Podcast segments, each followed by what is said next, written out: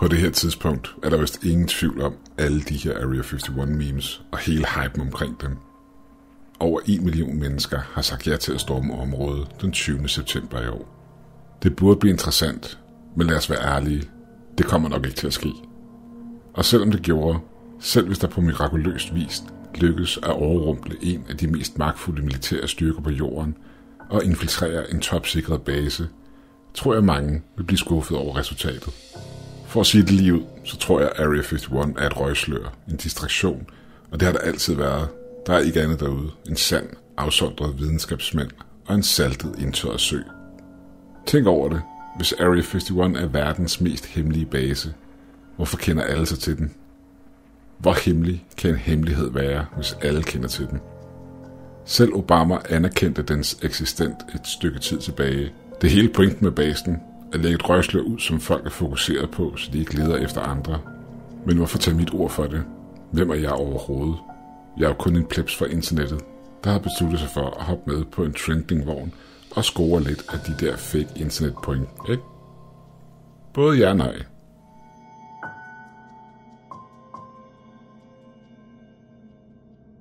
Det er muligvis den person, jeg er i dag. Men for ikke så lang tid siden var jeg en person, som USA's militærapparat var meget interesseret i. De fleste mennesker dengang kendte mig som Mr. Blue.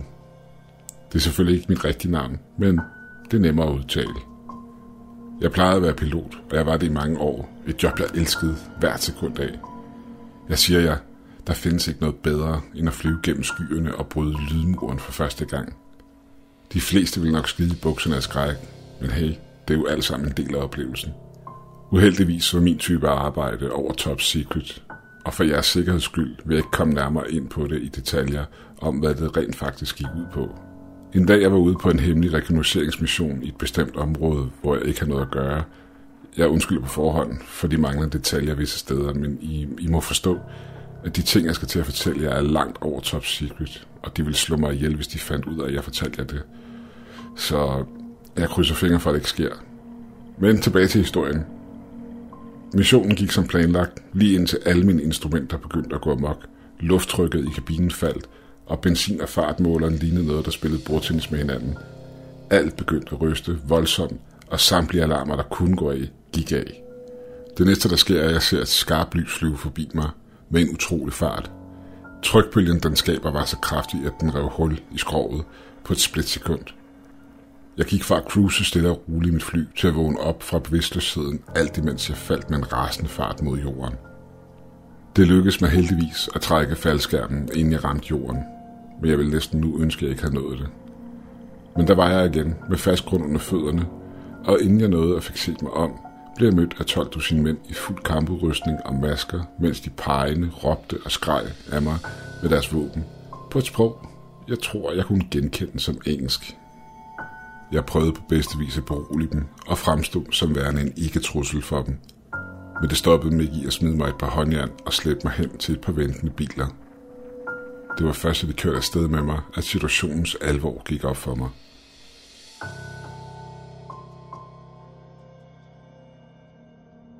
Der var ingen, der kom for at redde mig ud af den her situation. Folkene jeg arbejdede for har aldrig sagt det direkte til dem, men vi vidste alle sammen, at blev man fanget, så var han mere eller mindre alene. Med det i baghovedet så jeg ikke rigtig nogen grund til at holde mund, når først forhøret af mig gik i gang.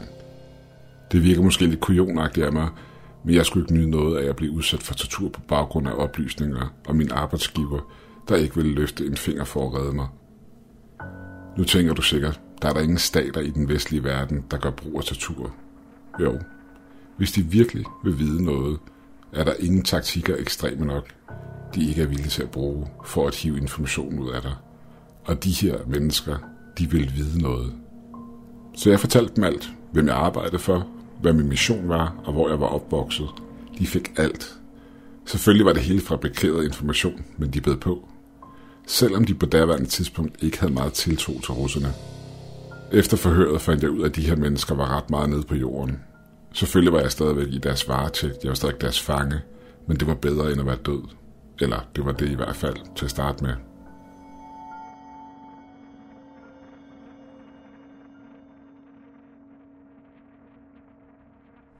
De transporterede mig fra forhørsstedet og ind i et sikkert område, som lå tæt på.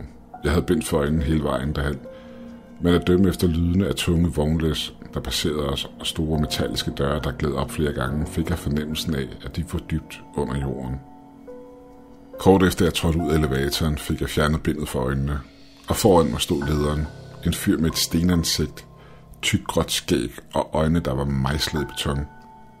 Han bar et sort jakkesæt med nogle symboler over brystlommen, jeg kunne genkende, og han trådte ud foran forsamlingen med udstrakte arme og stirrede mig ind i øjnene.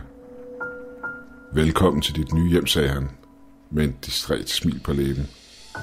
Jeg kiggede ned ad den lange grå gang, som virkede til at fortsætte i det uendelige i flere forskellige retninger. De ledte mig ned ad gangen til højre, forbi flere aflukkede korridorer og rum, indtil vi nåede min celle, og jeg blev skubbet ind. Jeg fik fjernet håndjernene, og efterfølgende blev døren bag mig smækket i. Fyren, der havde taget imod mig, kom hen til den lille vindue i cellen og trykkede på intercom-knappen. Vi værdsætter dit samarbejde, Mr. Blue. Jeg kan ikke se nogen grund til, at den tid, vi kommer til at tilbringe sammen, behøver at være uvenlig. Og selvfølgelig undskylder jeg for alt det her, men du må forstå, at vi må tage vores forårsregler.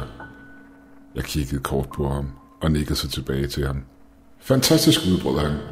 Vi får sendt noget mad ned til dig snarest. Hvis du har brug for noget, så siger du det blot til vagten, der står herude. Og med det vendte han sig og gik ned ad gangen, og det var min allerførste nat på det her sted.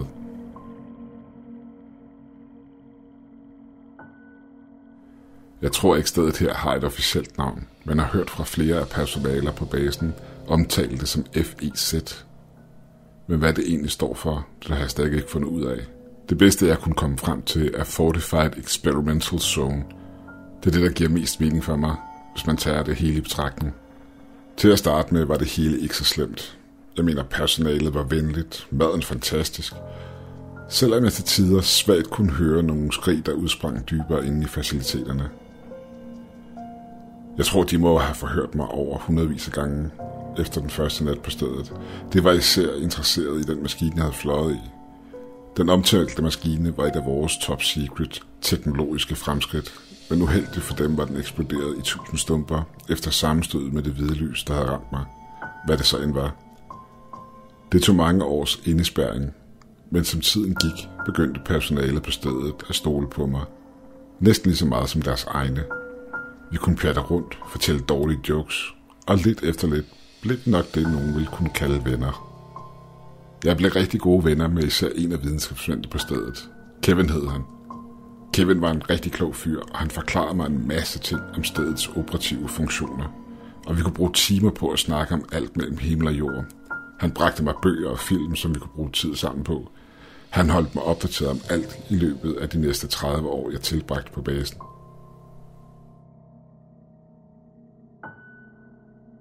Jeg tror, jeg må have udvist en eller anden form for intellektuelle snille, for de begyndte at spørge ind til en masse af min input på forskellige kuriositeter, der var stationeret rundt omkring på basen.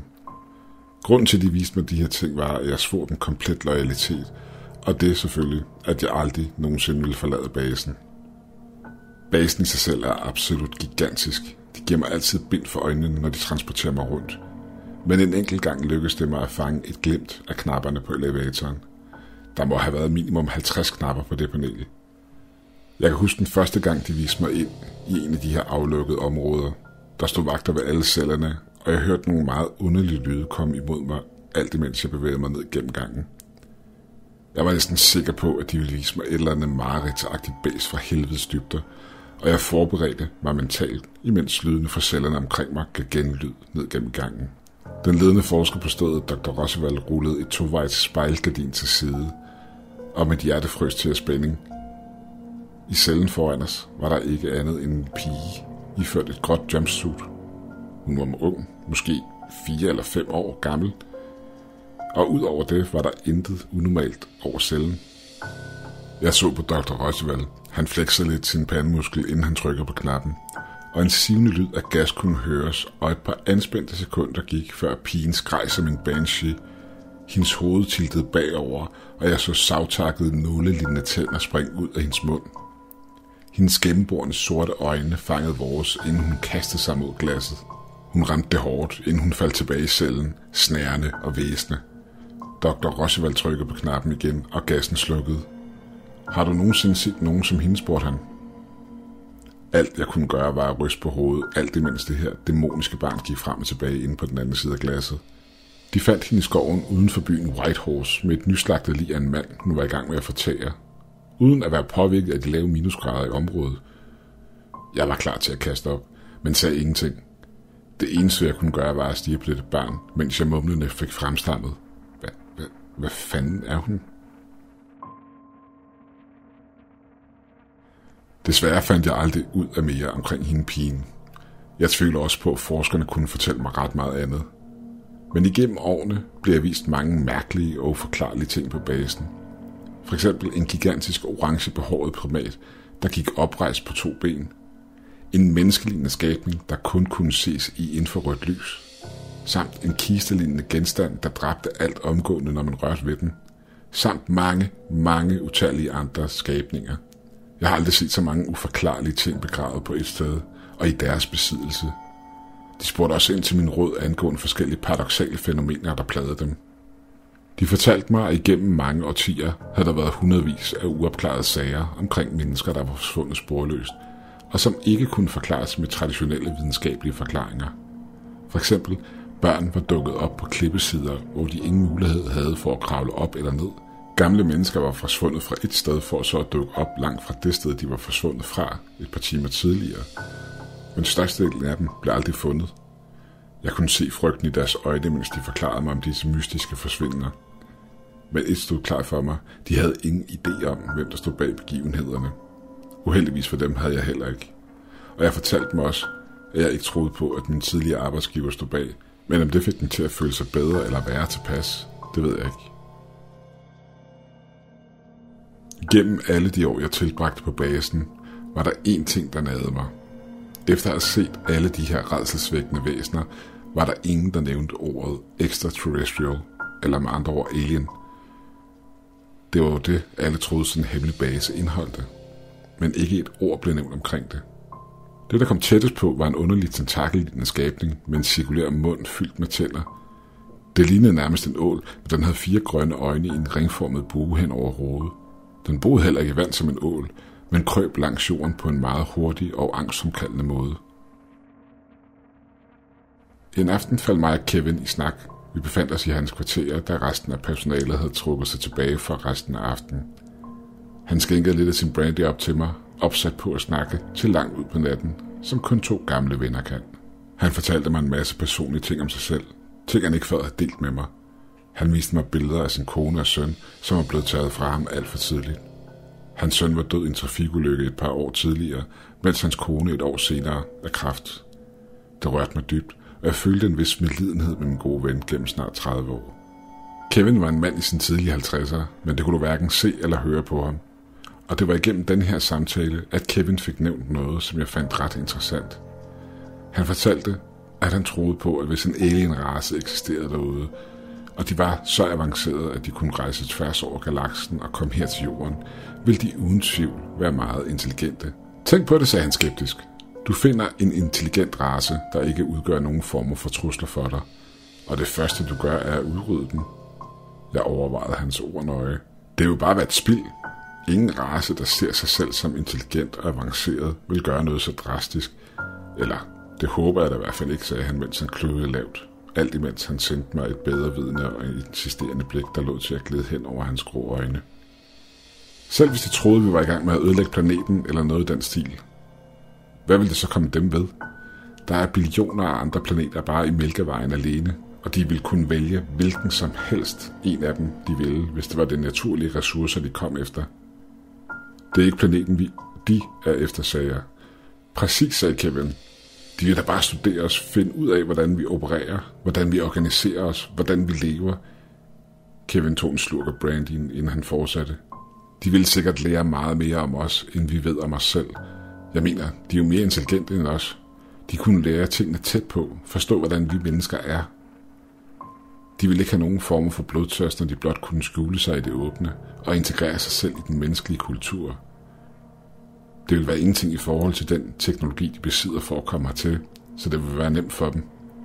Kevin holdt en pause fra sin entusiastiske monolog og kørte en finger over glaskanten. Jeg lænede mig tilbage i stolen, fast besluttet på at lade ham fortsætte. Jeg var fascineret over, at han vidste så meget.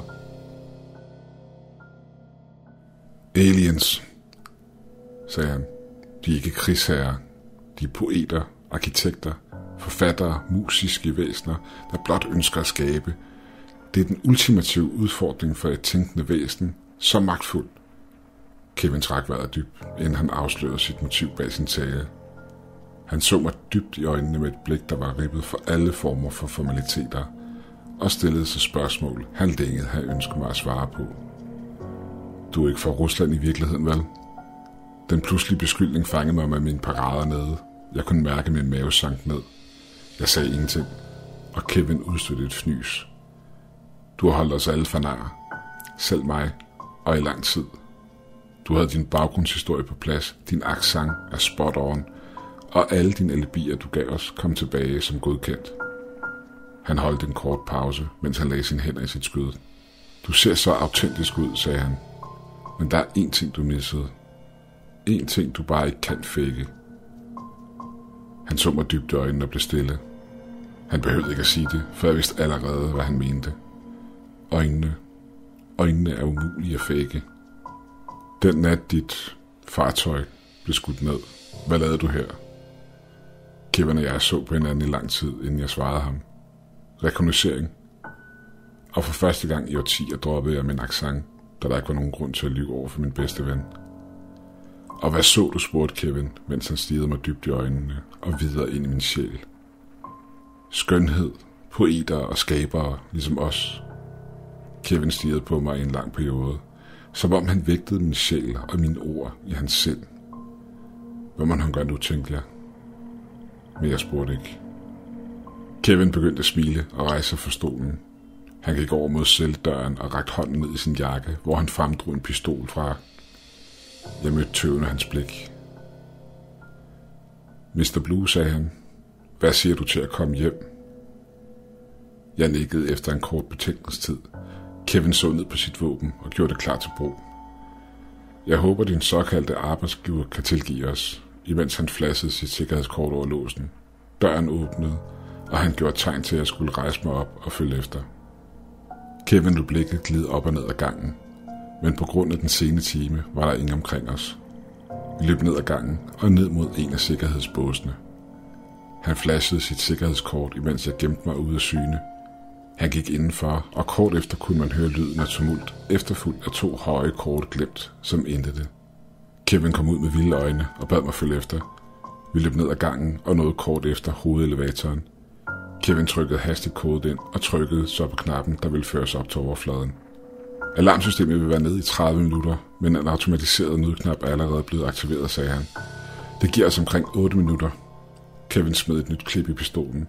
Jeg så ham i ansigtet. På brillerne og på hans kind var der tydelige stæng af blod, og hans øjne så vilde ud.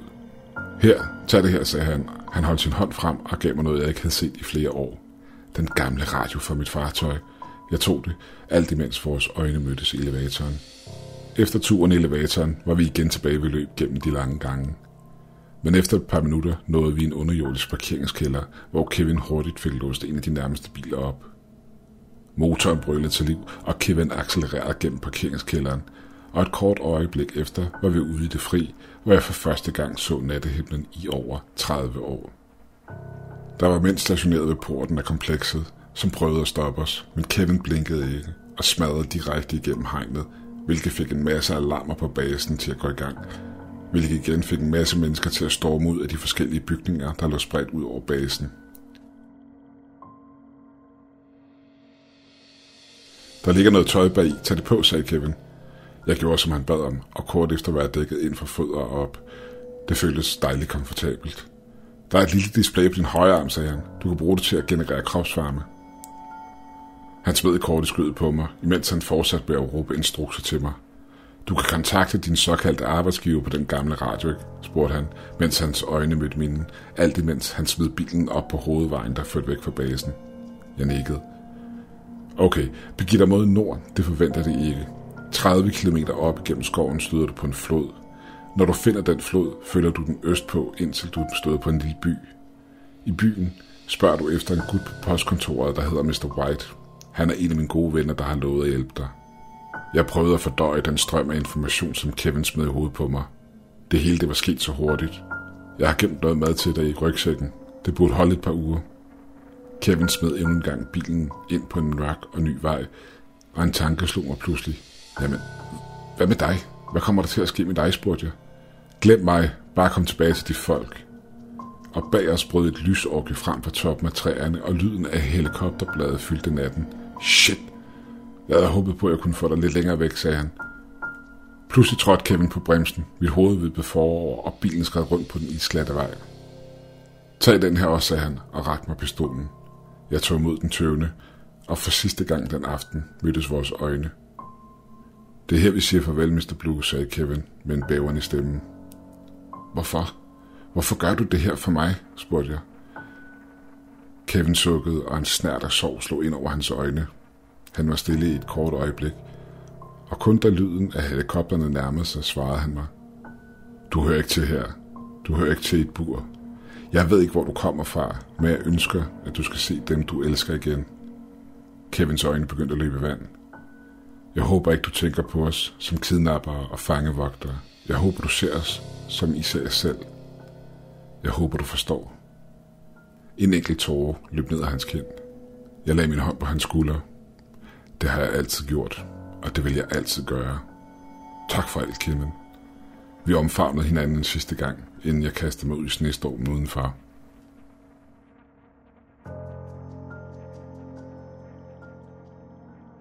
Rejsen fremadrettet var lang, og jeg brugte uger på at kæmpe mig igennem sne og tilfrosset skove. Hundrede mænd samt maskiner forfulgte mig i dagevis, men jeg formåede at slippe væk fra dem. Terrænet var brutalt, men langt om længe fandt jeg frem til floden, som Kevin havde nævnt. Og på det her tidspunkt havde min forfølger opgivet alt håb om at fange mig.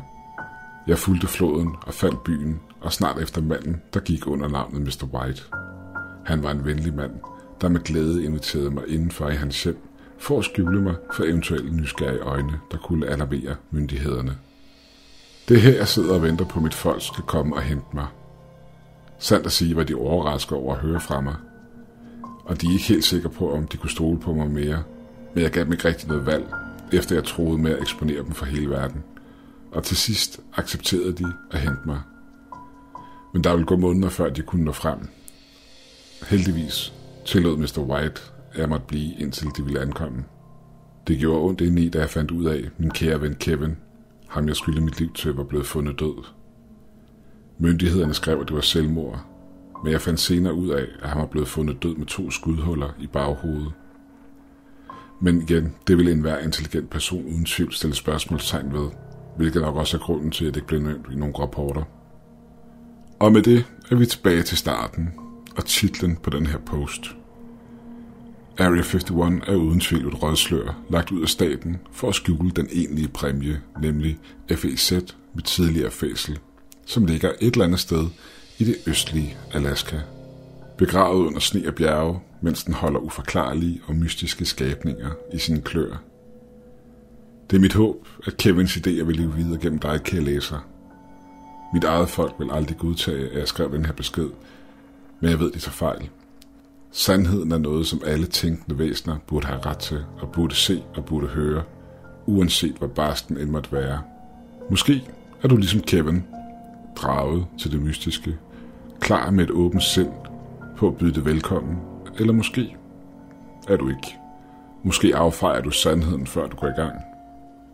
I sidste ende er sandheden ikke et problem, men troen på det. Hvor alt er, jeg har været væk i lang tid, og jeg skal nu endelig hjem. Tak, Kevin. Du vil aldrig blive glemt.